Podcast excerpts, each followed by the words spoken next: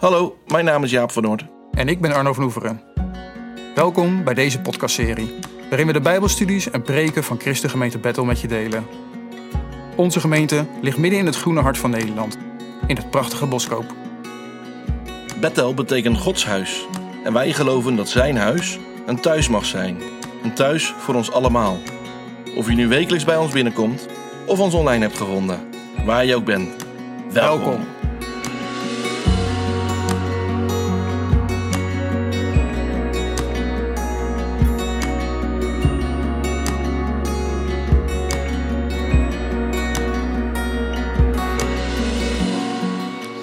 Deze aflevering starten we met een serie Bijbelstudieavonden over het boek Handelingen.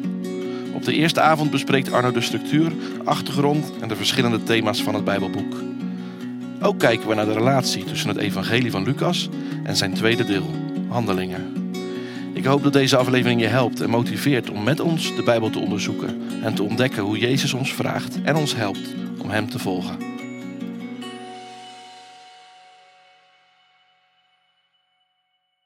Goedenavond allemaal. Welkom bij deze Bijbelstudie over het Bijbelboek Handelingen. Super gaaf dat we als gemeente weer bij elkaar mogen komen na die periode van corona, waarin we dat natuurlijk allemaal niet konden. Eh, mooi om te zien eh, dat jullie er allemaal zijn. En eh, ja, we gaan samen met elkaar het Bijbelboek Handelingen induiken. Deze Bijbelstudie gaat gegeven worden door Jaap en mij samen. We zullen allebei een aantal avonden doen. En nou, op die manier gaan we door het Bijbelboek Handelingen heen. Wat daarbij goed is om op te merken is dat we dus niet handelingen chronologisch doorgaan. We beginnen niet bij hoofdstuk 1 en eindigen bij hoofdstuk 28. Vanavond gaan we een inleiding geven over het Bijbelboek Handelingen. En dan vervolgens gaan we eigenlijk meer thematisch door het Bijbelboek Handelingen heen. Dus we gaan niet van hoofdstuk 1 naar 28, maar we pakken de thema's uit. En daar gaan we dan uh, samen naar kijken en met elkaar over praten. Als we kijken naar het boek Handelingen in de Bijbel, dan staat het natuurlijk in het Nieuwe Testament. En het boek Handelingen is in zekere zin wel een erg uniek Bijbelboek. Het is echt anders dan andere. We beginnen natuurlijk in het Nieuwe Testament met vier evangeliën. En een stukje verderop hebben we dan brieven. Brieven van Paulus en van andere apostelen. En aan het einde het boek Openbaring. En Handelingen staat tussen de brieven en de evangelie in. Uh, en heeft geen vergelijkbaar literair genre. Er is geen ander Bijbelboek wat geschreven is op de manier van Handelingen. En dat maakt het uniek. Dat maakt het ook uniek omdat het een soort schakel vormt tussen de evangelie en de brieven.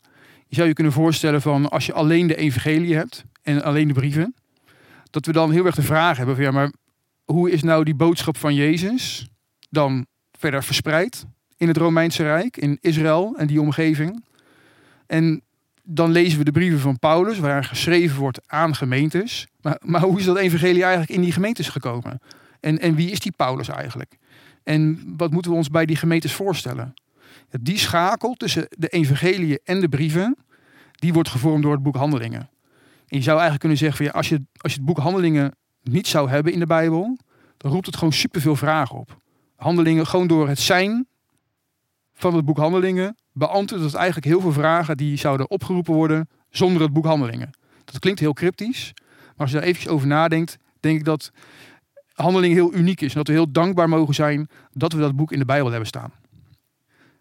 Nou, het boek Handelingen is geschreven door Lucas. En Lucas heeft ook een evangelie geschreven. En het evangelie van Lucas en het boek Handelingen vormen eigenlijk samen een soort tweeluik. Je kunt die twee niet helemaal los van elkaar lezen en begrijpen. Als je kijkt naar het einde van Lucas en het begin van het boek Handelingen, dan zien we dat daar een bepaalde overlap tussen zit. Dat is heel erg interessant om eens te lezen met elkaar. Ik ga lezen in uh, Lucas 24, vanaf vers 44, waar Jezus zegt tegen zijn discipelen: Toen ik nog bij jullie was, heb ik tegen jullie gezegd dat alles wat in de wet van Mozes, bij de profeten en in de psalmen over mij geschreven staat, in vervulling moest gaan. Daarop maakte hij hun verstand ontvankelijk voor het begrijpen van de schriften. Hij zei tegen hen: Er staat geschreven dat de Messias zou lijden en sterven, maar dat hij op de derde dag zal opstaan uit de dood en dat in zijn naam alle volken opgeroepen zullen worden om tot inkeer te komen, opdat hun zonden worden vergeven. Jullie zullen hiervan getuigenis afleggen, te beginnen in Jeruzalem. Ik zend jullie wat mijn vader heeft beloofd. Blijf in de stad tot jullie met kracht uit de hemel zijn bekleed. Nou, en als we dan kijken naar het begin van de handelingen, zien we eigenlijk een vergelijkbaar iets geschreven worden door Lucas. In Lucas 1, vers 4 schrijft hij: Terwijl hij met hen at, gaf hij hun deze opdracht. Ga niet weg uit Jeruzalem, maar blijf daar wachten op wat de Vader heeft beloofd, waarover jullie van mij hebben gehoord. Johannes doopte met water, maar binnenkort worden jullie gedoopt met de Heilige Geest. Zij die daarbij één waren vroeg hem, Heer, gaat u dan binnen afzienbare tijd het koningschap over Israël herstellen? Hij antwoordde, het is niet aan jullie om te weten wat de Vader in zijn macht heeft vastgesteld over de tijd en het ogenblik waarop deze gebeurtenissen zullen plaatsvinden. Maar wanneer de Heilige Geest over jullie komt, zullen jullie kracht ontvangen om mijn getuige te zijn. In Jeruzalem, in heel Judea en Samaria, tot aan het uiteinde van de aarde. Nou, hier zien we eigenlijk dat de, de gebeurtenis rondom hemelvaart, waar Jezus samen met zijn apostelen is, waarin geschreven wordt over dat Jezus onderwijs geeft, en dat er gesprek plaatsvindt over wat er zal gaan gebeuren. Dat de Heilige Geest zal komen. En dat ze moeten wachten in Jeruzalem. Dat zien we eigenlijk zowel aan het einde van het evangelie van Lucas. als aan het begin van handelingen. En zo vormen ze een overlap met elkaar. En ook als je kijkt naar het begin van Lucas, de eerste verse. en het begin van de handelingen. zien we daar ook weer iets vergelijkbaars geschreven worden. In Lucas 1, vers 1 tot 4 schrijft hij. Nadat reeds velen zich tot taak hebben gesteld om verslag te doen van deze gebeurtenissen die zich in ons midden hebben voltrokken en die ons zijn overgeleverd door degenen die vanaf het begin ooggetuigen zijn geweest en dienaren van het woord zijn geworden, leek het ook mij goed om alles van de aanvang af nauwkeurig na te gaan en deze gebeurtenissen in ordelijke vorm voor u, hooggeachte Theophilus, op schrift te stellen, om u te overtuigen van de betrouwbaarheid van de zaken waarin u onderricht bent. En in de eerste verse van Handelingen lezen we in mijn eerste boek Theophilus heb ik de daden en het onderricht van Jezus beschreven vanaf het begin, tot aan de dag waarop hij in de hemel werd opgenomen. Nadat hij de apostelen die hij door de Heilige Geest had uitgekozen had gezegd wat hun opdracht was. Dat hij leefde, heeft hij hun na zijn lijden en dood herhaaldelijk bewezen, door gedurende veertig dagen in hun midden te verschijnen en met hen over het koninkrijk van God te spreken. Nou, zo zien we eigenlijk dat zowel het begin als het einde uh, van Lucas en Handelingen op elkaar lijken en dat er overlap zit. En zo vormen ze samen een, uh, een tweeluik eigenlijk. Nou, dat is heel erg belangrijk voor het begrijpen van het boek Handelingen. Als we ons afvragen van, oké, wie is de schrijver? Wat is nou eigenlijk de bedoeling van dit boek? Dat we niet alleen naar het boek Handelingen kijken, maar dat we daar ook altijd het evangelie van Lucas daarin meenemen. Het boek Handelingen is een populair boek in de Pinksterbeweging. Wij, wij zijn natuurlijk als Battle een Pinkstergemeente. En uh, voor Pinkstergelovigen zijn de beschrijvingen, de gebeurtenissen in de boekhandelingen erg belangrijk. Dat heeft natuurlijk alles mee te maken met Pinksteren. Hè. De eerste Pinksterdag wordt beschreven in Handelingen 2. Dus dat ligt heel erg voor de hand. En de Pinksterbeweging heeft als, als, als opvallende kenmerk eigenlijk de, de, de nadruk en het geloof in de persoon en het werk van de Heilige Geest. En dat zien we natuurlijk in het boek Handelingen ook beschreven worden. Dus dat past heel erg bij elkaar. En daarom is Handelingen misschien wel het populairste boek binnen de Pinksterbeweging. Zo heeft elke uh, denominatie wel zijn voorkeur voor bepaalde delen uit de Bijbel. In sommige protestante kerken zie je bijvoorbeeld dat het boek Romeinen heel erg belangrijk is. Omdat Luther daar in de tijd uh, heel veel van zijn theologie op gebaseerd heeft. En zoiets wordt dan meegenomen door de traditie heen, door de jaren heen in de geloofsgemeenschap. En zo zie je dat bij ons handelingen erg belangrijk is. Nou, als je zo'n Bijbelboek dan meer nadruk daarop legt, is het ook goed om je af te vragen: oké, hoe lezen we dat Bijbelboek dan? Hoe interpreteren we dat dan? En daarin zie je eigenlijk dat er verschillende vormen van zijn ontstaan, uh, verschillende visies op zijn van hoe moeten we het Bijbelboek Handelingen interpreteren. Nou, daarin zie je eigenlijk twee extremen. Aan de ene kant zou je kunnen zeggen, aan de ene, aan de ene kant van het spectrum zie je dat sommige mensen het boek Handelingen heel erg letterlijk nemen en het zien als een soort blauwdruk. Waarbij ze zeggen van oké, de, de gebeurtenissen in de boekhandelingen, zoals we die lezen, zo moeten we eigenlijk ook zien dat het in onze tijd blijft functioneren. De perfecte gemeente de, was de eerste gemeente. Dat is de gemeente zoals het bedoeld is. En zo moeten wij dus ook functioneren. Dus zoals de Heilige Geest werkt, zoals de gelovigen en de apostelen zich gedroegen in het boek Handelingen, de, de, de, hoeveelheid en de mate en de manier waarop wonderen en tekenen gebeuren, ja, zo horen die in onze tijd ook te gebeuren. En als dat niet zo gebeurt, ja, dan is er eigenlijk iets mis. Dan, dan missen we iets, dan, dan, dan ontbreekt er iets en zijn we eigenlijk geen, geen goede gemeente. Nou, dat is dus iets wat je aan de ene kant van het spectrum ziet. En dan zou je kunnen zeggen van handelingen wordt als een, als een soort blauwdruk gezien voor hoe wij als gemeente moeten functioneren. Aan de andere kant, de andere kant van het spectrum is eigenlijk meer van oké, ja, dat is een beschrijving van hoe het toen gebeurd is. Zo gingen de dingen. En wij hoeven daar nu niet zo heel veel mee. We leven in een andere tijd. Uh, de Heilige Geest functioneert anders. Uh, wij hebben immers de Bijbel. Dus het werk van de Heilige Geest is niet zo heel erg belangrijk meer in de zin van wonderen en tekenen. En dan is wat er in handelingen gebeurt eigenlijk gewoon meer een verslag. Interessant. Er zitten zeker een paar lessen in. Maar je ziet dat dat eigenlijk weer een heel ander uh, extreme is in het hele spectrum van hoe je naar handelingen kunt kijken. Wat dan interessant is om te kijken van oké, als we de, de, ene extreme zien en het andere extreme, kunnen we daar dan ergens een balans tussen vinden? Kunnen we dan zeggen van oké, misschien is het niet helemaal een letterlijke blauwdruk zoals het nu zou moeten zijn. We lezen dat nemers nergens in de handelingen dat het in alle tijden zo moet zijn.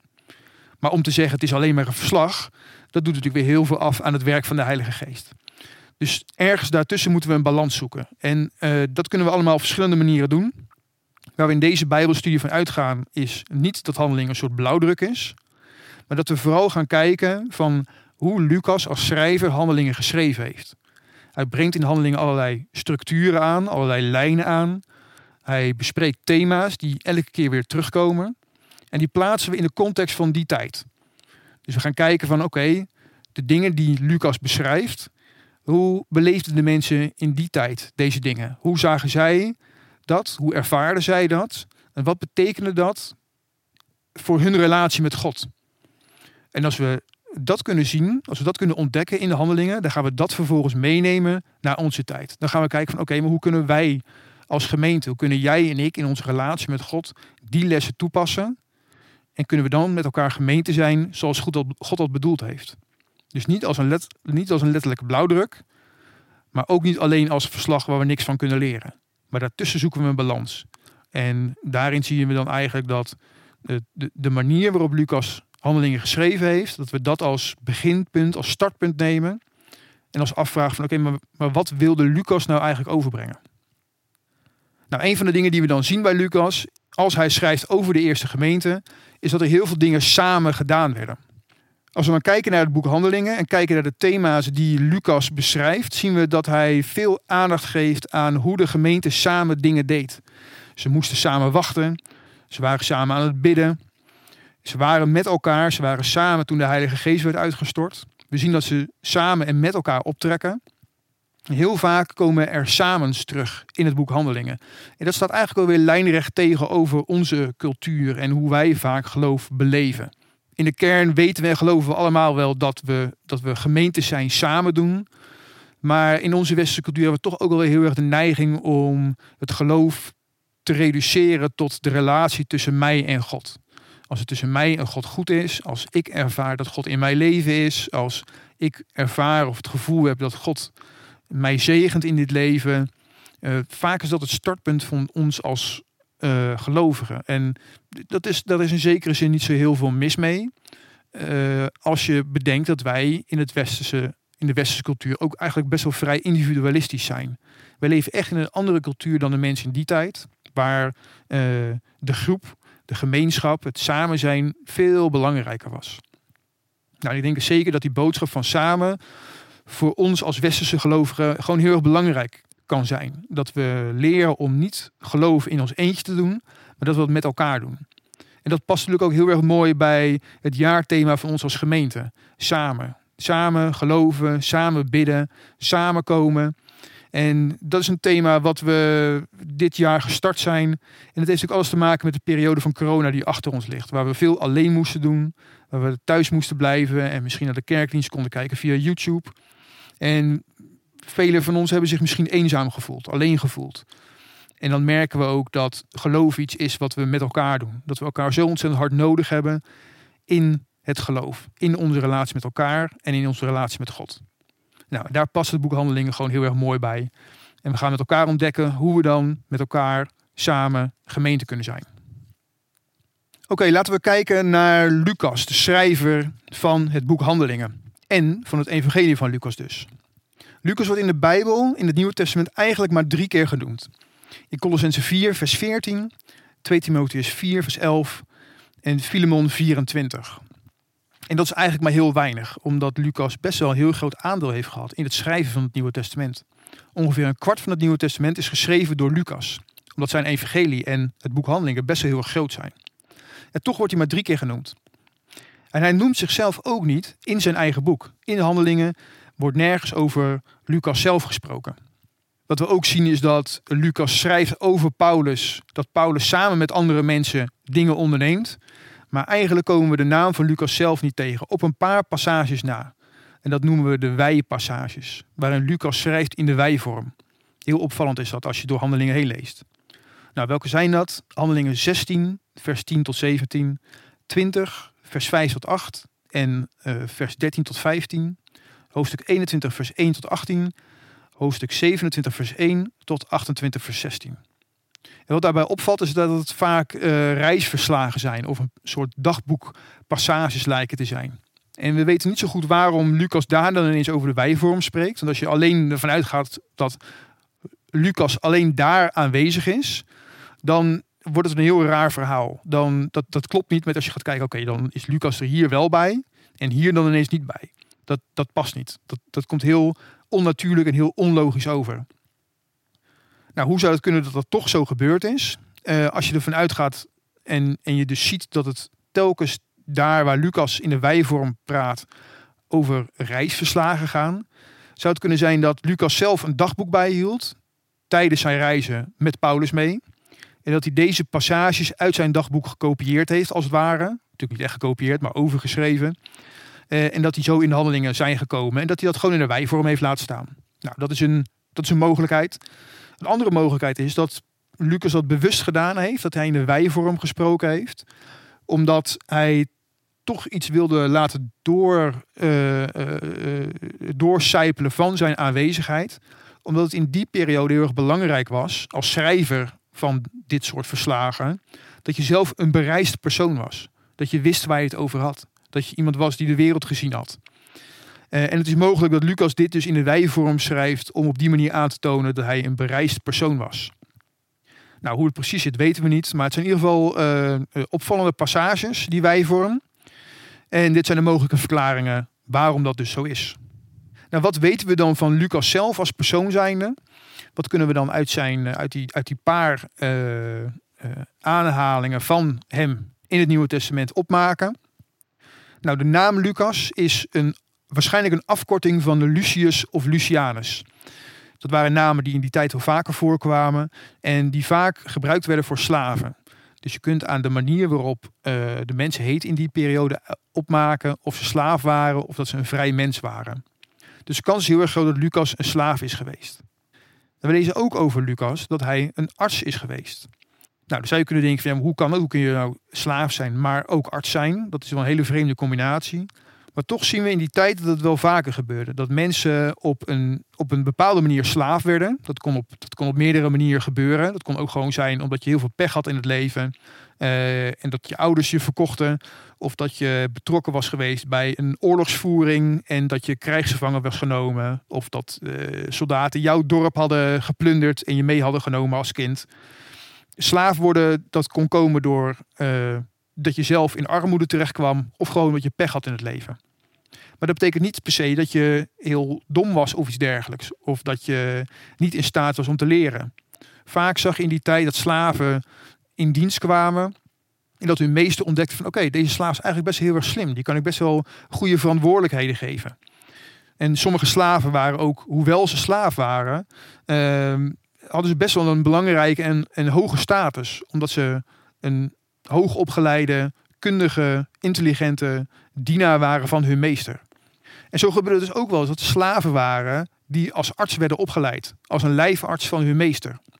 En wat we dan uh, zien vaak bij dat soort slaven is dat ze ook vrij snel hun vrijheid weer terugkregen. Omdat het werk wat ze voor hun meester deden zo belangrijk was en zo waardevol. Dat ze als dank voor hun werk hun vrijheid kregen. Nou, het is heel goed mogelijk dat Lucas dus slaaf is geweest, maar uh, al een, als een hele intelligente slaaf uh, bekend werd. Een opleiding deed als arts en voor zijn meester een lijfarts was en vervolgens zijn vrijheid heeft gekregen. Nou, wat we ook weten over Lucas is dat hij de enige niet-Joodse schrijver van het Nieuwe Testament is. Alle andere schrijvers waren van Joodse afkomst. En dat was Lucas niet. En dat is, uh, dat is opvallend. Um, maar dat is ook heel mooi. Het laat ook iets zien over eigenlijk de kern van het koninkrijk van God. Dat dat niet alleen maar voor het Joodse volk was, maar juist dat het ook iets was voor niet-Joodse mensen, voor wat men toen noemde de heidenen, voor de Grieken. Jezus kwam in eerste instantie om het volk van Israël uh, toe te spreken, om hun Messias te zijn. En we zien ook bij Paulus in zijn boodschap dat hij begint in de Joodse synagogen. Maar als zij niet willen luisteren of als zijn werk daar klaar is, dat hij zegt van oké, dan ga ik me nu op de heidenen richten. Dan ga ik me nu op de Griekse, Grieks sprekende bevolking richten. En het christelijk geloof, het koninkrijk van God is ook inclusief, is ook voor iedereen. Dat betekent niet iedereen erbij of kan of wil horen. Maar het betekent wel dat het koninkrijk van God open staat voor iedereen. Iedereen mag erbij horen. Of je man bent of vrouw bent, wat je afkomst ook is, wat je ras ook is, het haalt niet uit. Jezus is voor iedereen gekomen. En het koninkrijk van God staat voor iedereen open. Nou, we zien bij Lucas dat hij, dat hij Grieks is. En we zien dat uit, uh, dat, dat, blijkt ook uit de vele kennis die hij heeft van de Griekse cultuur en de taal. De manier waarop handelingen geschreven is in het Grieks. En zijn kennis over de cultuur en de gebruiken van die tijd, over de, overheid en de, de verschillende gouverneurs die er in die tijd waren. Lucas weet heel goed te beschrijven hoe de, hoe de mensen met elkaar omgingen en wat de gebruiken waren van die tijd. Veel meer dan je dat ziet bij uh, andere schrijvers in het Nieuwe Testament. Hij heeft ook opvallend veel aandacht voor de stad Antiochië. We lezen bijvoorbeeld uh, over mensen die daar vandaan kwamen. Een mooi voorbeeld is in Handelingen 6, waarin de eerste verse geschreven wordt over een conflict in de eerste gemeente. Er zijn namelijk Grieks sprekende en Hebreeuws sprekende weduwen. En voor de ene groep wordt beter gezorgd dan voor de andere groep. Dat is tenminste de ervaring die de mensen hebben. En er ontstaat een conflict. En de apostelen besluiten om een aantal mensen aan te stellen soms bekend als de diakenen, maar dat woord staat daar helemaal niet. Dus dat, dat klopt eigenlijk helemaal niet. Maar vaak uh, noemen wij dat de diakenen. En er worden daar zeven namen genoemd van mensen. En wat er opvalt, is dat er uh, van één iemand gezegd wordt waar die vandaan komt. Nicolaus, een proseliet uit Antiochië. En van al die andere namen wordt alleen maar de naam genoemd. Niet waar ze vandaan kwamen. Alleen bij deze Nicolaus. Nou, zo zie je eigenlijk als je handelingen doorleest dat Lucas vaak heeft over mensen die uit Antiochië kwamen, dat die stad genoemd wordt, dat het ontstaan van de gemeente in Antiochië besproken wordt. En er zijn er ook veel Bijbelgeleerden die denken dat Lucas zelf ook uit die stad vandaan kwam. Hij heeft daar veel uh, connecties. Hij weet veel over de stad en van de dingen die daar gebeurd zijn. En het ligt vrij voor de hand dat hij daar dus ook vandaan kwam. Wat we zagen, zowel aan het begin van het evangelie van Lucas als aan het boek Handelingen, is dat ze allebei geschreven zijn aan ene Theophilus. Nou, die naam komen we verder in het Nieuwe Testament niet tegen. We weten eh, dus niet uit de Bijbel zelf wie dat is. En er zijn ook verschillende theorieën over deze Theophilus. Sommige mensen denken dat het, een, uh, dat het geen persoon is, geen bestaand persoon, maar dat het een soort beeld is, een symbool voor de kerk, voor de hele gemeente. Want de naam Theophilus betekent vriend van God of bemind door God. En als gemeente, als gelovigen, zijn wij ook vrienden van God en zijn wij geliefd door God. Zo zou je kunnen denken dat het een beeld is voor de hele gemeente.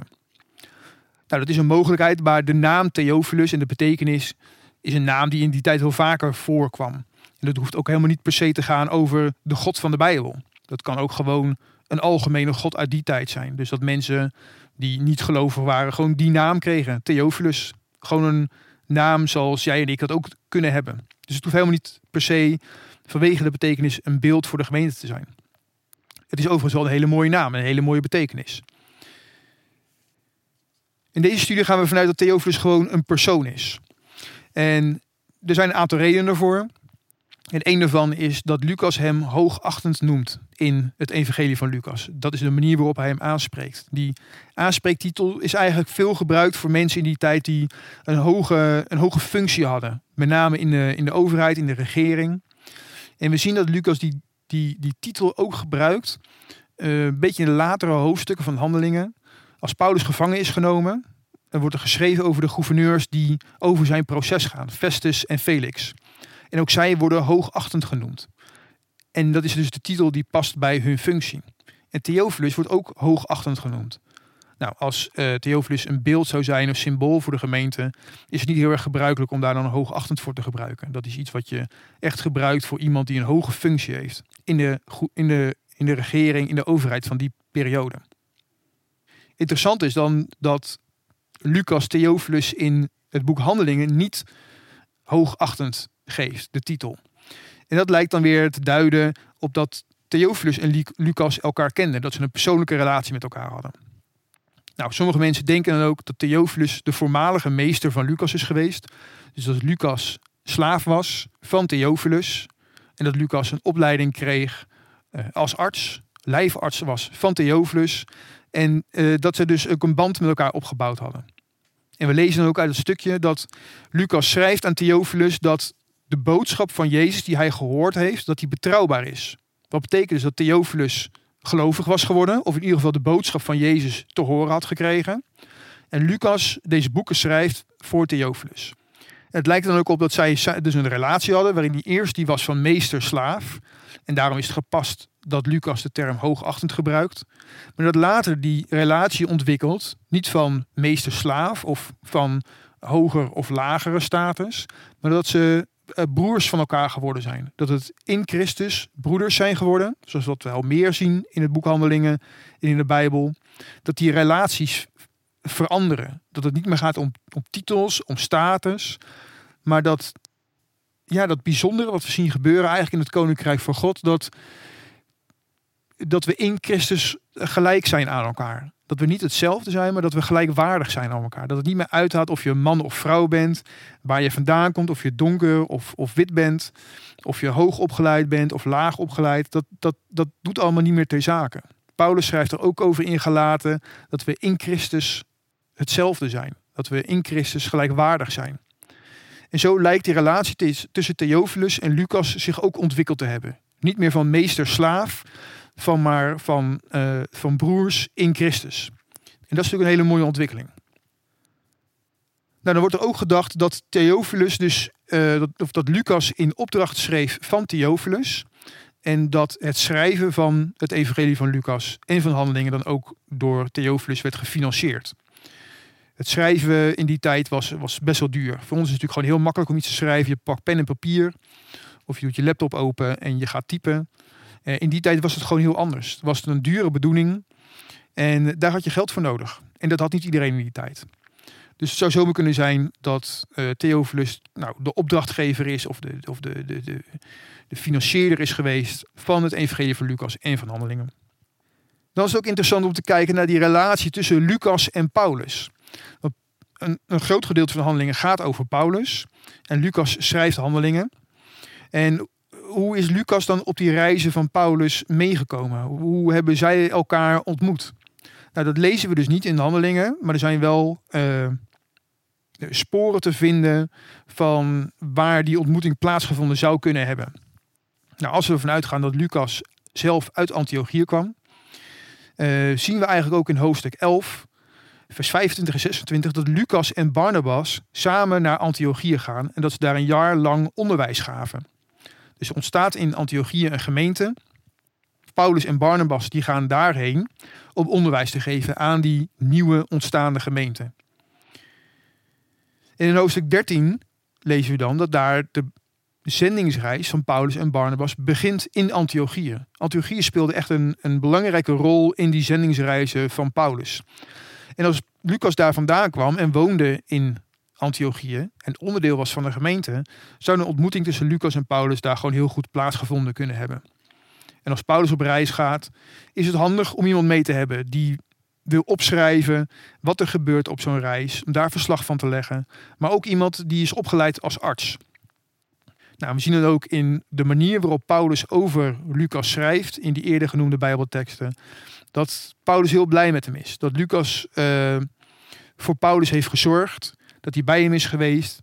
En als Paulus dan uiteindelijk in Rome komt in gevangenschap, schrijft hij op een gegeven moment dat Lucas nog een van de weinigen was die bij hem gebleven was.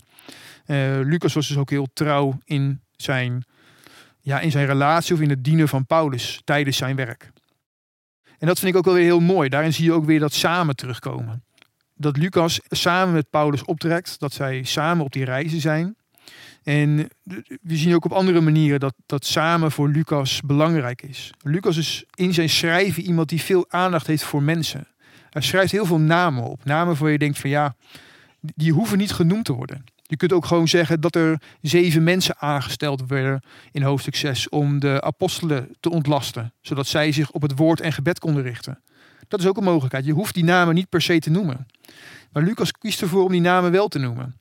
En we zien dat op meerdere plekken terugkomen, dat Lucas aandacht geeft aan mensen. Aandacht geeft aan, aan de groep. Aandacht geeft aan de gemeenschap. En ik vind dat echt wel iets heel erg moois. Dat, dat was niet nodig. Maar Lucas vindt kennelijk mensen belangrijk. En hij zegt daarmee ook van ja, maar het haalt niet uit of je een hele belangrijke status hebt of een hele grote rol hebt in de verspreiding van het evangelie, zoals Petrus en Paulus. Maar Lucas lijkt daarmee te zeggen van ja, maar ook deze mensen hebben daaraan bijgedragen. Ook zij hebben een rol gespeeld, hoe klein die misschien ook is, maar hun namen mogen genoemd worden. Zij horen erbij. Ook zij zijn leden, onderdeel van die eerste gemeente, van de mensen die het evangelie van Jezus Christus verspreid hebben. En ik vind dat wel heel mooi.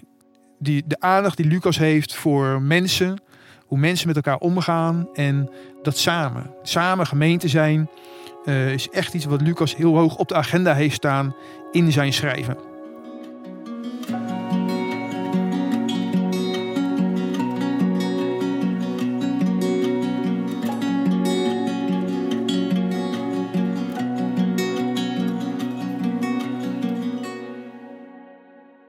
Als je dan verder gaat kijken in een Bijbelboek. Je hebt gekeken naar uh, hoe is het boek ontstaan en de, wie is de schrijver en uh, wat zien we daar dan gebeuren met die schrijver. We hebben ons iets meer kunnen inleven in het Bijbelboek. Dus de volgende vraag die interessant is, wat is eigenlijk het doel van het boek Handelingen? Want als je dan iets tegenkomt in Handelingen, je leest dat en je wil gaan, je wil, je wil gaan afvragen van, maar wat wordt daarmee bedoeld en wat, wat kan ik daarvoor voor mijn leven? Wat zegt het over gemeente zijn? Het is wel belangrijk om dat in, in een groter raamwerk, in een groter kader te zetten uh, van het doel van het hele boek. En eigenlijk is het dan belangrijk dat je nog iets verder kijkt. Maar wat is dan het doel van dat twee luiken? Want Lucas had en een evangelie en handelingen geschreven. Die eigenlijk heel erg bij elkaar horen. Die je eigenlijk niet uit elkaar moet trekken. Wat is het doel van die twee? Want ze horen bij elkaar. Dus dat moeten we dan eventjes voor ogen houden. En is dan interessant om naar te kijken. Nou, we zien dat Lucas zelf zegt. Ik heb dat eigenlijk net voorgelezen in die eerste verse van, van Lucas zelf, van het Evangelie. Dat hij een nauwkeurig en ordelijk verslag wilde geven van Jezus' daden en onderricht. Het staat hier niet bij, maar het is ook Jezus' onderricht. En hij schrijft aan Theophilus een betrouwbaar verslag over Jezus waar hij in onderricht is. Dus, dus Theophilus heeft onderricht gehad over Jezus, dat hij de Messias is. En Lucas schrijft het evangelie als een betrouwbaar verslag. En hij zorgt voor een nauwkeurig en ordelijk verslag daarvoor. Van Jezus daden. Als we kijken naar handelingen, dan zien we dat daarin staat dat, eh, zegt Lucas, dat hij het evangelie heeft geschreven over het daden en onderricht van Jezus. Daar herhaalt hij dat. En ik zal die versen eventjes voorlezen. Handelingen 1 vanaf vers 1. In mijn eerste boek Theophilus. Dus hij zegt iets over. Hij zegt in Handelingen iets over het Evangelie. Ook weer zo'n linkje. Maar ook informatie voor ons. In mijn eerste boek Theophilus heb ik de daden en het onderricht van Jezus beschreven. Vanaf het begin tot aan de dag waarop hij in de hemel werd opgenomen. Nadat hij de apostelen, die hij door de Heilige Geest had uitgekozen, had gezegd wat hun opdracht was. We hebben we gezien met die hemelvaart dat, hij, dat Jezus een opdracht geeft aan de, aan de apostelen voordat hij weggaat. Dat hij leefde, heeft hij hun na zijn lijden en dood herhaaldelijk bewezen door gedurende 40 dagen in hun midden te verschijnen en met hen over het koninkrijk van God te spreken. Die term koninkrijk van God, in ieder geval in de handelingen, wordt een paar keer genoemd. Dus het zou interessant zijn een keertje om die term op te zoeken. Komt niet heel vaak voor in handelingen, een paar keer, maar altijd op sleutelmomenten. Op belangrijke momenten uh, in het verhaal van handelingen. Dat is ook weer zo'n uh, lichtpuntje eigenlijk, zeg maar, wat iets laat zien wat voor Lucas belangrijk is. Wat interessant is als je naar de, naar de grondtaal gaat kijken, naar het Grieks, en je gaat deze versen vergelijken met andere Bijbelvertalingen, dan, dan valt daar iets op dat de vertalingen daar verschillende dingen schrijven.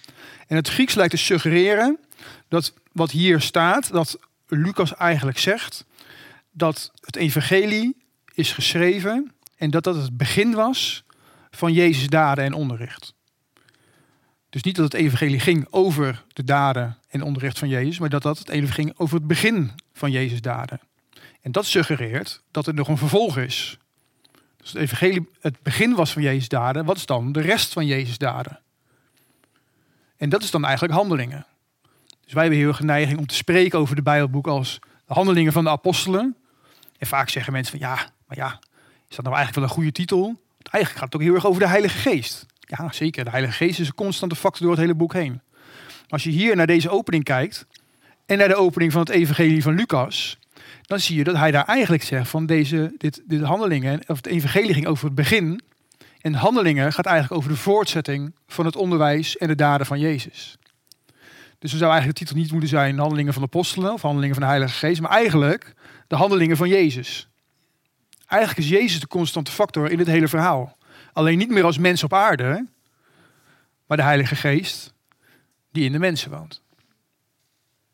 Dus het is wel handelingen van de apostelen, maar ze doen die handelingen door het werk van de Heilige Geest, dus handelingen van de Heilige Geest. Maar het is de Heilige Geest van Jezus en Jezus heeft de Heilige Geest beloofd en gegeven. En daarmee is eigenlijk, zie je dat het werk van mensen en van de Heilige Geest een voortzetting is van de daden van Jezus. Dus dan krijg je ook alweer een soort ander. Ik krijg dan in ieder geval een andere focus, een andere, andere mijn, mijn bril verandert dan een heel klein beetje. Ik denk, oké, laat ik maar niet te veel focus op het werk van de Heilige Geest. Je moet niet, moet ik absoluut niet vergeten. Maar als ik daar naar kijk, wil ik Jezus voorop stellen. En niet de persoon Jezus vergeten ten koste van de Heilige Geest.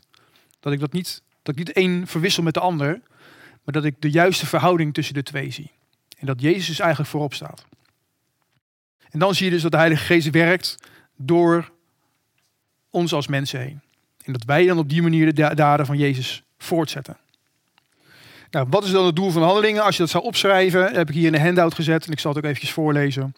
Uh, het doel van handelingen is dus eigenlijk om te laten zien hoe Jezus het koninkrijk van God op aarde zichtbaar maakte. Of eigenlijk zou je moeten zeggen, het doel van, van het evangelie van Lucas en handelingen is laten zien hoe Jezus het koninkrijk van God op aarde zichtbaar maakte en hoe mensen hem volgden. Jezus stierf en stond op uit de dood voor onze zonden, zodat ook wij bij dat koninkrijk kunnen horen. Jezus is nu de koning van dat koninkrijk en wij mogen door de kracht van de Heilige Geest dit koninkrijk op aarde bouwen en zichtbaar maken. En de hele lijn van handelingen werkt daar naartoe. Hoe dat is gebeurd. Nou, als we dan kijken naar de structuur van de handelingen, want ik zei net van in het begin van als je, als je wil weten waar een, een, waar een schrijver nadruk op wil leggen in de literatuur in die tijd, moet je zoeken naar de structuur en de lijnen, de, de, de terugkomende woorden, de terugkomende zinnen. Daar gaan we nu wat verder naar kijken. En er zijn veel lijnen en structuren in de handelingen te vinden. En dat, is, en dat is eigenlijk trouwens ook met heel veel andere Bijbelboeken zo. Hè? Dat is ook met de brieven van Paulus. Alle schrijvers zijn heel erg bezig met een, met een, met een bijzondere samenstelling van wat zij schreven.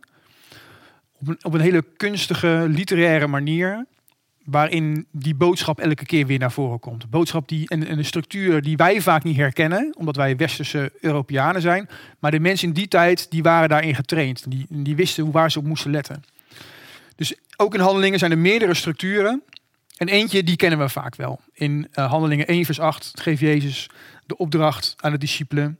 Waar hij zegt, maar wanneer de Heilige Geest over jullie komt, zullen jullie kracht ontvangen om mijn getuige te zijn. In Jeruzalem, in heel Judea en Samaria, tot aan het uiteinde van de aarde. Nou, dat is een, een, een bekende tekst uh, waarvan wij ook vaak wel weten dat we die structuur ook terugkomen in het verhaal van handelingen zelf.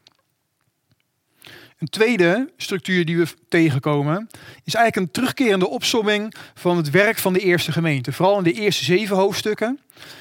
Ook daarna ook nog wel eens een keertje. Wordt elke keer beschreven wat de gemeente deed in de handout, in de PowerPoint zien jullie uh, die teksten verschijnen. Ik zal de meest bekende voorlezen. Dus handelingen 2 vers 41 tot 47. Waarin eigenlijk twee keer die activiteiten van de gemeente genoemd worden. Er staat het volgende. Degene die zijn woorden aanvaarden, lieten zich dopen. Op die dag breidde het aantal leerlingen zich uit met ongeveer 3000. Ze wijden zich trouw aan het onderricht dat de, dat de apostelen gaven, aan de onderlinge gemeenschap, het breken van het brood en het gebed. De vele tekenen en wonderen die de apostelen verrichtten vervulden iedereen met ontzag. Allen die tot geloof gekomen waren, bleven bijeen en hadden alles gemeenschappelijk. Ze verkochten hun eigendommen en bezittingen en verdeelden de opbrengst onder degenen die iets nodig hadden. Elke dag kwamen ze trouw en eensgezind samen in de tempel, braken het brood bij elkaar thuis en gebruikten hun maaltijden in een geest van eenvoud en vol vreugde. Ze loofden God en stonden in de gunst bij het hele volk. De Heer breidde hun aantal dagelijks uit. Steeds meer mensen werden gered. Nou, deze beschrijving van de eerste gemeente komen we op meerdere plekken tegen. El, eh, kleiner en dit is de eerste en de- de meest uitgebreide, misschien wel de meest belangrijke daardoor. Deze is als het ware een startpunt van deze, van deze lijn, van deze structuur. En die zie je elke keer weer door het boek zie je die oppoppen. Als een soort samenvatting, zou je kunnen zeggen. Maar ook meer als een, eh, een raamwerk eh, voor, het hele, voor het hele Bijbelboek. En we gaan hier straks eh, nog verder eh, op door. Een derde die ik tegenkwam, die ik even met jullie de- wilde delen, maar waar ik niet verder op in zal gaan, is het gevolg van die activiteiten. Die worden hier ook genoemd. Namelijk de steeds terugkerende zinsnede dat de gemeente groeide. We zien dat hier twee keer gebeuren. In 2 vers 41. Op die dag breidde het aantal leerlingen zich uit met ongeveer 3000. En dan in vers 47. De Heer breidde hun aantal dagelijks uit. Steeds meer mensen werden gered. En die uitbreiding wordt elke keer een herhaling. Waardoor je als je het in één keer doorleest ook steeds meer wauw wordt. Steeds meer. En nog meer mensen. En nog meer mensen. En al die mensen. En dan, en dan gaat het ook meer leven. Dat je denkt van ja, al- allemaal mensen. 3000 mensen, zoveel mensen. Lucas noemt al die namen. Dus die, dat gaat ook wat meer leven dan, is de bedoeling. En zo denk ik van ja, weet je, ik hoor ook bij die groep mensen. Die groep mensen die daar begonnen is. En ik sta aan het, nou ja, niet aan het einde. Want ik ga vanuit dat de kerk nog verder gaat naar ons. Of misschien ook niet als Jezus terugkomt. Maar wij zijn onderdeel van, die, van dat hele grote verhaal. Van die hele grote lijn. Wat, wat, wat je hier eigenlijk ziet beginnen. Nou, als we die eerste structuur eruit pakken van Handelingen 1 vers 8. Ik zal die versen nog een keer lezen. En dan 1 vers 7 er ook bij. Op de vraag van de apostelen. Wanneer eh, Jezus het koningschap over Israël zou herstellen, zegt Jezus. Het is niet aan jullie om te weten wat de Vader in zijn macht heeft vastgesteld over de tijd en het ogenblik waarop deze gebeurtenissen zullen plaatsvinden. Maar wanneer de Heilige Geest over jullie komt, zullen jullie kracht ontvangen om mijn getuige te zijn in Jeruzalem, in heel Judea en Samaria, tot aan het uiteinde van de aarde. Nou, en je ziet dan dat het dus ook in de structuur van het boek Handelingen terugkomt. Dus in het eerste hoofdstuk, dat is een soort inleiding. Vanaf hoofdstuk 2 zie je de uitstorting van de Heilige Geest. Er gebeurt van alles in Jeruzalem. Petrus en Johannes spelen daar een hele grote rol in. Een conflict met de Joodse leiders. In hoofdstuk 6 hebben we dat conflict in de gemeente, waar diakenen aangesteld worden. Wat dus geen diakenen zijn, maar die we vaak zo noemen. Een van hun is Stefanus. Die gaat getuigen in Jeruzalem. Krijgt ruzie met de Joodse leiders. Heel hoofdstuk 7 is eigenlijk aan Stefanus gewijd. En hij wordt gestenigd. En er ontstaat een vervolging van de gemeente. Daar is Paulus al bij. Niet als christen, maar als vervolger van de gemeente. En dan staat er op een gegeven moment van... Na die vervolging verspreiden de christenen zich buiten Jeruzalem. De christenen vluchten omdat ze vervolgd werden. En, maar, dat is tegelijkertijd ook de volgende stap eigenlijk in dit verhaal. Dus de vervolging die plaatsvindt, die als iets negatiefs is, krijgt ook een positief effect. Nou, dat is een interessant iets dat positieve en negatieve samengaan. Gaan we op een van de andere avonden gaan we ook verder op in. Van hey, hoe, hoe verhoudt zich dat tot elkaar? Wat kunnen wij daarvan leren? Aan het begin van hoofdstuk 8 lezen we over eh, dat Paulus bij die steniging van Stefanus aanwezig is. Hij houdt de mantels vast. Hij geeft als het ware zijn goedkeuring aan wat er gebeurt. Want Paulus is een fariseer en wil de gemeente vervolgen. Want hij gelooft dat Jezus een valse Messias is en niet opgestaan is uit de dood. Dus al die christenen, dat zijn ketters, sectariërs en moeten dood. Dat is Paulus, dat is Paulus zijn missie. En dan gaat hij naar Damascus en daar komt hij tot bekering. Dan ontmoet hij Jezus, die verschijnt aan hem. En hij komt tot geloof en gaat dan onderdeel zijn van een verdere verspreiding. Dat zie je in hoofdstuk 8 eh, eh, al een zaadje gelegd worden, zeg maar, voor dat verhaal. En hoofdstuk 8 tot en met 12 zie je dan eigenlijk die verdere verspreiding van het evangelie in, in Judea en Samaria. We lezen over Filippus, die de Ethiopiër tegenkomt. Eh Filippus gaat naar Samaria toe. We lezen over Petrus en Cornelius in hoofdstuk 10. Waarin je ziet dat het ook weer zich allemaal in het huidige Israël plaatsvindt, zeg maar. De toenmalige eh, provincies Judea en Samaria. In hoofdstuk 13 komen we dan Paulus weer terug tegen, die tot geloof was gekomen en die dan vervolgens eh, samen met Barnabas eerste zendingsreis gaat beginnen. En zij zijn dan degene die het evangelie nog een stapje verder brengen. Tot aan het uiteinde der aarde. Nou, dat is natuurlijk een hele interessante uitspraak. het uiteinde van de aarde, want wat is dat? Eh, en je ziet dan ook in de structuur van de handelingen dat het eindigt in hoofdstuk 28, dat Paulus in Rome is, in gevangenschap, maar dat er ook staat dat hij de vrijheid had om iedereen te ontmoeten en het evangelie van Jezus te verspreiden. Dus hij was in gevangenschap, zie je eigenlijk weer het negatieve en het positieve samengaan. Maar Paulus kreeg alle vrijheid om te praten over Jezus. En daar eindigt eigenlijk uh, handelingen mee. En daar wordt weer de term het koninkrijk van God gebruikt. Daarin zie je eigenlijk een soort in de eerste vers, in de laatste verse, dat dezelfde term terugkomt. En dat is ook weer een sleutel om te laten zien van dit is belangrijk voor het hele verhaal. Dus niet alleen het eerste woordje, het laatste woordje, maar die hebben invloed op alles wat daartussenin gebeurt. En zo zien we dat dat evangelie zich verspreidt. En dat kan je heel historisch zien. Dan oh, oké, nou zo is dat gegaan. Nou, mooi, bijzonder. Het is in Rome terechtgekomen. Rome was de hoofdstad van het Romeinse Rijk. En zou je daarmee kunnen zeggen, nou, als iets, dat was ook dat was ook een, uitspraak en een bekende uh, iets in die tijd van uh, als het in Rome is, dan is het eigenlijk overal. Want iedereen wilde de dingen doen en weten en kennen en volgen wat de mensen in Rome deden. Rome was, de, was het begin van elke nieuwe mode, van elke nieuwe trend, van elke nieuwe filosofie of gedachte of religie.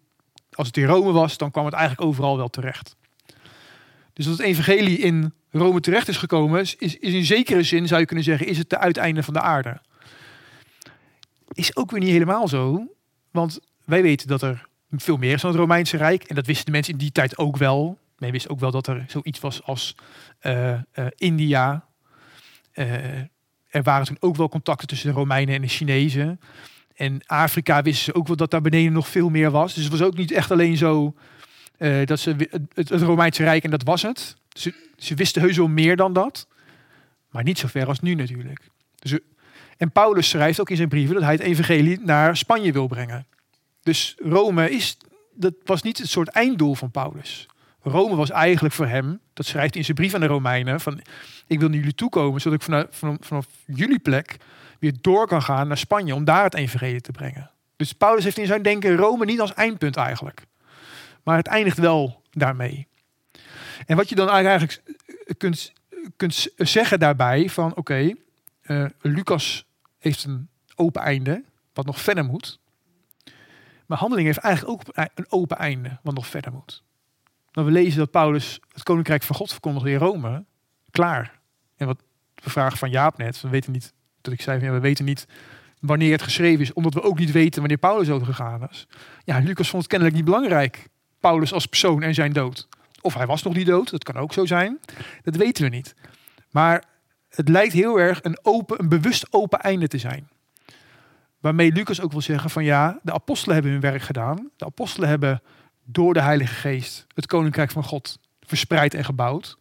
Maar daarmee is het niet klaar. Eigenlijk zijn wij degene, de lezers, waar hij dit aan schrijft, die die opdracht dan weer verder moeten gaan. Er is, er is nog een derde fase, in zekere zin. En, en daar bevinden wij ons in. Dus aan de uiteinde van de aarde zou eigenlijk tot ons moeten spreken. Denk, ja, daar waar ik ben, in mijn tijd. Ook ik mag onderdeel zijn van het bouwen van het koninkrijk van God. Ook ik mag het zichtbaar zijn daar waar ik ben. En het haalt niet uit of je in Nederland bent, of in Nepal, of Vuurland, of Hawaii. Het is allemaal het uiteinde van de aarde. Wij bevinden ons allemaal aan het uiteinde van de aarde. En daar mogen wij het brengen. En dan vind ik het, dat vind ik zo mooi dat schrijvers van die tijd zo in staat waren om het zo persoonlijk te maken. Dat ze niet alleen maar, de handeling is niet alleen maar een verslag. Het is ook geen blauwdruk, maar ergens daartussenin, in ieder geval ook met als doel om ons te activeren, om ons te motiveren, te inspireren, te onderwijzen, uh, hoe wij daar onderdeel van mogen zijn. En dan zijn die verhalen, gaan daar een rol in spelen. Hoe wij dat dan vervolgens uh, mogen gaan toepassen in ons eigen leven. Ja. Ja. Ja, wij, kunnen, ja, wij hebben alle mogelijkheden om uh, of overheen te reizen of te communiceren. Ja, het is echt heel bijzonder. Wij leven dat betreft een hele bijzondere tijd. Ja, ja klopt. Uh, de tijd van Jezus was in dat opzicht ook wel heel erg bijzonder. Omdat je door, de Romeinse, door het Romeinse Rijk en de, en de vrede die er op dat moment heerste... Um, er ook heel veel gelegenheden waren om het evangelie te verspreiden. Dus er is als onderzoek gedaan. Iemand heeft wel eens gezegd van dat dat wel. Uh, eh, als God het zo bewust gepland heeft om op dat moment Jezus naar de aarde te laten komen, dat het wel een heel goed gekozen moment was. Omdat dat wel in de, in de, in de, in de, in de historie, zeg maar, makkelijk te verspreiden was. Reizen was, het was niet makkelijk, maar het kon wel. Het was, het was mogelijk. De, de, de voedingsbodem was eigenlijk perfect, zeg maar, voor Jezus om naar deze aarde te komen. In, in heel veel opzichten. Ehm, ja, daar moest ik even aan denken. Dat vond ik wel heel mooi. Toen dacht oké, waarschijnlijk heeft God hier ook gewoon weer over nagedacht. Wat zeg je? De voedingsbodem is nu niet zo makkelijk. Eh, ja. Ja, zeker. Ja, heel veel mensen hebben het nodig. Ehm, en ik denk dat wij in elke tijd weer opnieuw moeten ontdekken op wat voor manier wij het koninkrijk van God zichtbaar mogen maken. Hoe we dat moeten communiceren. Want mensen veranderen, de tijd verandert, cultuur verandert. Wij moeten denk ik ons als kerk onze taal aanpassen. Omdat heel veel mensen niet meer opgevoed zijn met de Bijbel en de verhalen. We kunnen niet meer zomaar hebben over David en Simpson en Jezus. Eh, dat, waar heb je het over? Wie is dat? Weet je wel? Dus wij, moeten, wij worden daarin wel heel erg uitgedaagd. Altijd de christenen door de, door de hele geschiedenis heen worden, moeten altijd uitgedaagd worden om, om opnieuw woorden te vinden. eh, eh, om te vertellen wie Jezus is. En opnieuw ontdekken welke handelingen wij mogen uitvoeren om dat koninkrijk zichtbaar te maken. En dat is altijd een uitdaging. Maar ik denk wel dat in deze tijd waarin we leven, de ontwikkelingen zo snel gaan dat het bijna niet meer bij te houden is. Dat het bijna niet meer mogelijk is om, om, om nieuwe dingen te bedenken ergens.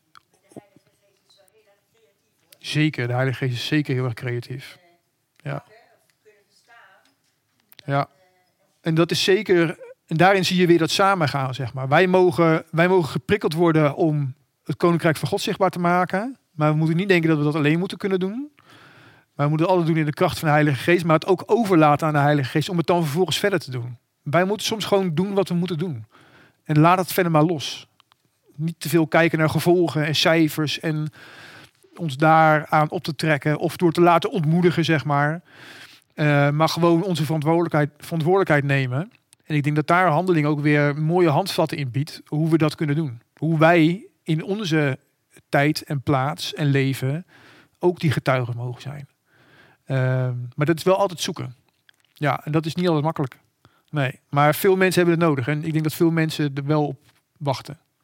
Ja, ben ik wel absoluut van overtuigd. Ja, dankjewel.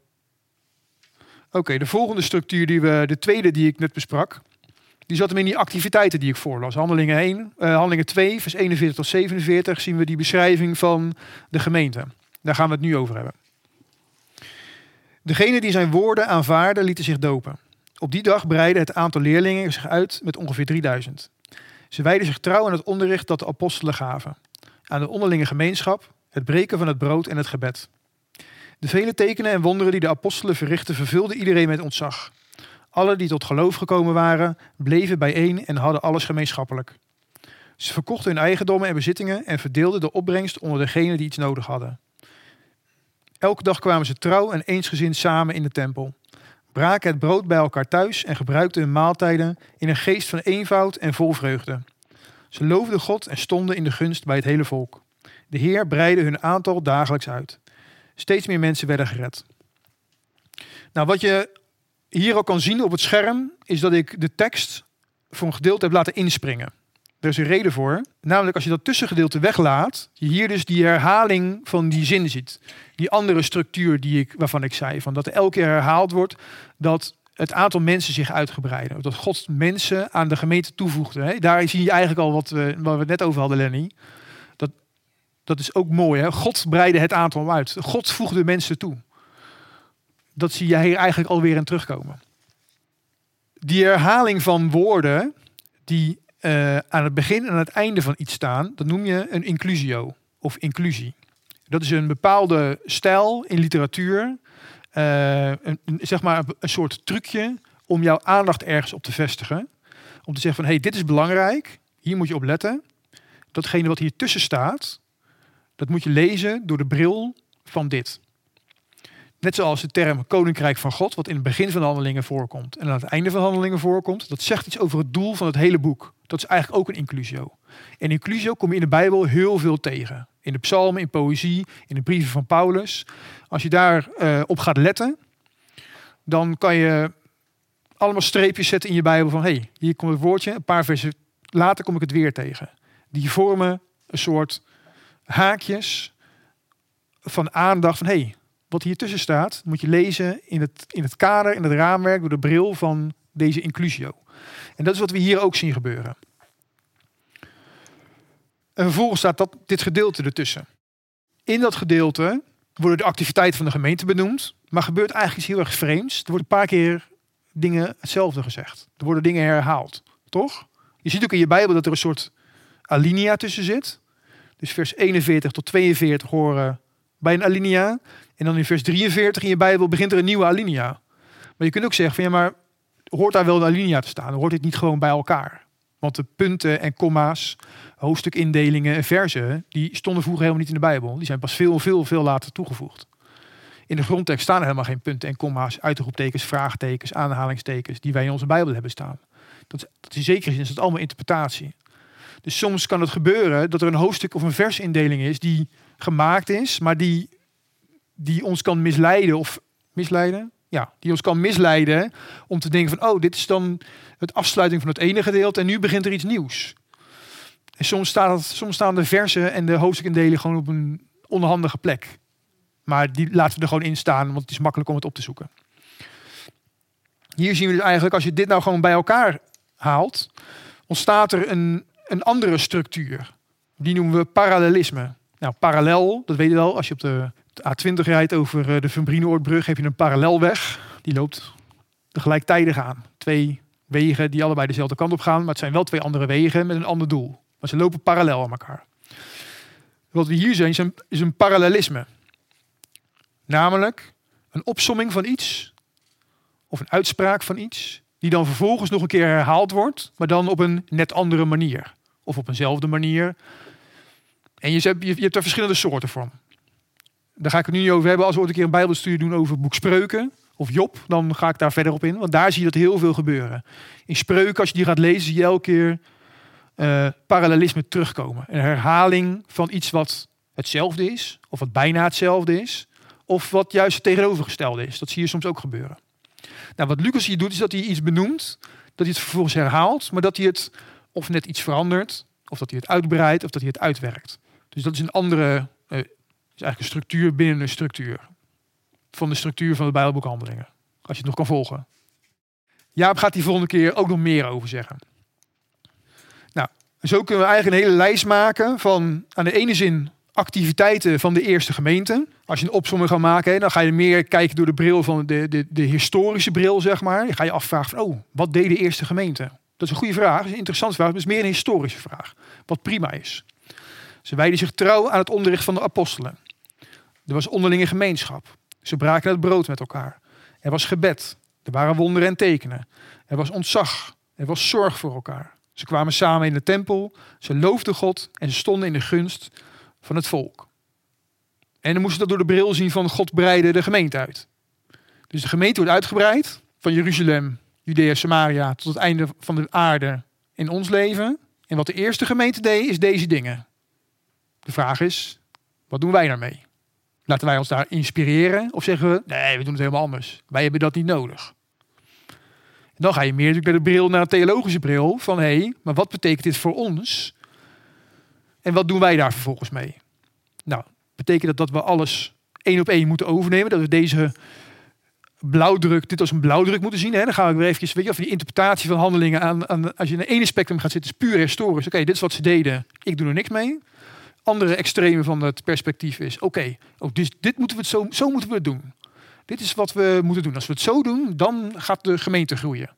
Dan zie je dus weer op het andere perspectief. Nou, je ziet soms wel eens dat er mensen zijn die, dat, die zich zo op deze tekst focussen dat ze dat als een soort, als een, als een norm verheven en vinden dat zij in de gemeente zich zo moeten gedragen. Nou, dat, ik denk dus dat de waarheid ergens in het midden zit. Dat we ons zo zeker moeten laten inspireren. Dat we wel moeten kijken van, hé, maar hoe kunnen wij dat dan in onze tijd en cultuur doen? Want die verandert nu eenmaal. Wij kunnen niet dagelijks in de tempel samenkomen, in het gebouw, want de tempel bestaat niet meer. Wat is de tempel? En hoe komen we daar dan nu wel samen? Is de gemeente, is het gebouw de tempel? Zijn we nu in de tempel samen? De Heilige Geest woont in ons. God, God woonde in de tempel. En de Heilige Geest woont nu in ons. Wij zijn allemaal een persoonlijke tempel. Maar ook als groep zijn wij een tempel. Als gemeente zijn wij een tempel. En niet alleen de gemeente op zondagochtend. Maar nu, nu zijn wij een tempel met elkaar. Dit, wat wij nu doen, is eigenlijk wat er in de handelingen gebeurt. We zijn nu een tempel met elkaar. En we volgen onderwijs. We hebben ontzag voor elkaar. We breken koekjes. En we delen de thee. En kennis en plezier met elkaar. En nou, ik vind dat we best wel mooie handelingen gemeente zijn op, zo op dit moment. Maar dat is niet alleen, maar dat is ook als je thuis bent, op elke plek waar je bent. Ga je weer terug naar het doel van die lijn, zeg maar. Dat de bedoeling is dat wij in ons persoonlijk leven en met elkaar dat koninkrijk van God bouwen. Kunnen jij en ik ons hier aan spiegelen? Van hé, hey, wat mogen wij hiervan leren? En, en kan ik dat als tempel op de plek waar ik ben zichtbaar maken? Nou, wat we in deze Bijbelstudie uh, niet gaan doen, is dat we chronologisch door handelingen heen gaan. De afgelopen jaar heb ik een keer een Bijbelstudie over Efeze gegeven, over Corinthiërs. Nou, dan zijn we elke avond 1, 2, 3 hoofdstukken gepakt en zo door de Bijbelboeken heen gegaan. Dat gaan we niet met handelingen doen. Wat we met handelingen gaan doen, is dat we dit tekstgedeelte gaan pakken. Ik ga hier nog een keertje naar terug, naar deze, naar deze slide. Wat je hier ziet, ik heb die kleurtjes aangegeven, waarin je die overlap ziet. Of dat je, wat je dat parallelisme ziet. heb ik dat nog uitgelegd? Op, zich wel, hè? maar je ziet dus dat, het, dat de dingen terugkomen. Breken van het brood, ze gebruikten hun maaltijden in de gunst van eenvoud en vol vreugde. Ze baden met elkaar, ze loofden God. Dat is een parallel. Een andere parallel is onderricht van de apostelen en vele wonderen en tekenen van de apostelen. En in het roze, de onderlinge gemeenschap. En ze hadden alles gemeenschappelijk. Nu zie je elke keer die herhaling, net iets anders, zie je weer terugkomen. En dat is, eigenlijk gaan we dit tekstgedeelte gebruiken voor deze Bijbelstudie. Om de volgende avond daarop uh, op verder voor te bouwen. Dus wat we gaan doen vandaag, vanavond hebben we inleiding op handelingen gehad. De volgende drie avonden gaan over dit tekstgedeelte waarin we het gaan hebben. Volgende week gaat Jaap het hebben over het breken van het brood. De week erop gaan we het hebben over de onderlinge gemeenschap. Wat wordt daar nou eigenlijk mee bedoeld? En dan gaan we het hebben over onderricht van de apostelen. En dan hebben we drie avonden gehad waarin we zeg maar, dit tekstgedeelte wat verder uitdiepen. En de lijn daarvan in de handelingen meenemen. En daar natuurlijk lessen voor onszelf en als gemeente van nemen. Wat, hoe kunnen wij dat in ons leven dan toepassen natuurlijk. Nou, die vijfde avond willen we een avond hebben met tijd voor vragen en reactie. Dat is de avond waarin dus jullie je vragen mogen inventariseren en uh, op ons loslaten. En dan drie avonden waarin we het ook nog over thema's gaan hebben die Jaap en ik in het Bijbelboek Handelingen tegenkwamen. Die we heel erg interessant vonden. Waar we echt hadden van, hier willen we iets mee of hier moeten we iets mee. En daarin willen we, in deze avonden willen we nog meer wat interactie hebben. Jullie kunnen natuurlijk nu al heel veel vragen en zeggen en opmerken. Maar dan willen we echt het tweede deel van de avond in groepjes uit elkaar gaan en over die thema's praten. Ik weet nog niet precies hoe dat eruit gaat zien. Of jullie gespreksvragen meegeven. Uh, dat is nog niet helemaal uitgekristalliseerd. Maar dat is in ieder geval wel de opzet van die laatste drie avonden. Gaan we het hebben over wonderen en tekenen. Wonderen en ketenen. Heel scherp. En het is heel bewust niet wonderen en tekenen, omdat we hierin eigenlijk zien de balans tussen positieve en negatieve. Dan gaan we het hebben over hulpeloze helden. Nou, daar ga ik helemaal niks over zeggen. Um, en de laatste avond over gewoon getuigen. En dat is een afsluiting van de studie. En willen we alles bij elkaar brengen. En hopelijk weggaan met het, het inspiratie en de bemoediging en de bekrachtiging om ook in ons eigen leven dat koninkrijk van God te verspreiden. Zoals Lucas dat ons wenst en, en onderwijst en leert eigenlijk. Oké, okay. dat was het. Ik ga er even bidden voor we weggaan. Trouw God in de hemel, we willen u danken voor deze avond. Dat zo met elkaar mochten lezen uit de Bijbel. Mochten leren over uh, wie u bent. Dat u onze God bent en dat u, uh, dat u naar deze aarde toe bent gekomen. Dat u ons niet heeft laten worstelen en laten zoeken met hoe wij om moeten gaan en weer bij u terug mochten komen. Konden komen, proberen te komen. Want dat kunnen we helemaal niet. We zijn helemaal niet in staat om de relatie die tussen u en ons is verbroken, om die te herstellen. Alleen door uw zoon Jezus Christus was dat mogelijk. Doordat u voor onze zonde stierf, doordat u uit de dood opstond, kunnen wij weer bij u komen. En wat Lenny ook zei, Heer, dat u ons niet alleen heeft achtergelaten toen u weer naar de hemel ging, maar dat we de Heilige Geest hebben gekregen. Dat uw geest in ons is komen wonen, zodat wij allemaal een tempel op deze aarde mogen zijn. Heer, wat is het ontzettend. een- wat is het eigenlijk een, geweldig plan? Een ondenkbaar plan. Elke keer als ik erover nadenk, verbaas ik mij over de genialiteit en, en de bijzonderheid ervan. Heer, wilt u ons daar bewust van maken? Wilt u tot ons door laten dringen? En dat we mogen weten wat een geweldige God u bent. Dat u ons het vertrouwen geeft dat we met u mogen samenwerken. Dat u het niet allemaal maar doet en oplost en maakt voor ons. Maar dat we van u die verantwoordelijkheid en het vertrouwen hebben gekregen om een, om een rol te spelen, om een, om een taak te spelen in dat geweldige plan van u. Maar we kunnen dat niet alleen hier. We hebben uw Heilige Geest daarvoor nodig. We willen bidden of u ons wil vullen met die Heilige Geest. Elke dag weer opnieuw. Elke dag als we opstaan en alles wat we doen en denken en handelen. De moeite waar we misschien elke dag tegenaan lopen. De moeite op het werk, in ons gezin, in onze relaties. Of gewoon moeite met onszelf en het leven. Heer, dat we elke keer weer die kracht mogen krijgen van uw Heilige Geest. Wilt u ons weer vullen elke keer opnieuw. Dat we uw liefde mogen ontvangen. En uw liefde mogen doorgeven aan de mensen om ons heen. En aan onszelf weer. Dat we mogen beseffen dat we uw kind zijn. Dat u ons geliefd heeft. Dat u van ons houdt. Ondanks alle stomme dingen die wij doen. Heer, wat een geweldig iets is dat. En we willen u daarvoor danken. En die dankbaarheid willen we meenemen als we naar huis toe gaan. En willen we uitstralen, willen we uitdelen aan de mensen om ons heen. Heer, wilt u ons daarbij helpen? Want dat is niet altijd makkelijk. Of misschien is het bijna nooit makkelijk.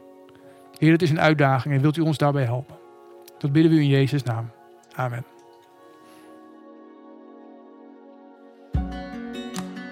Bedankt dat je hebt geluisterd naar deze podcast.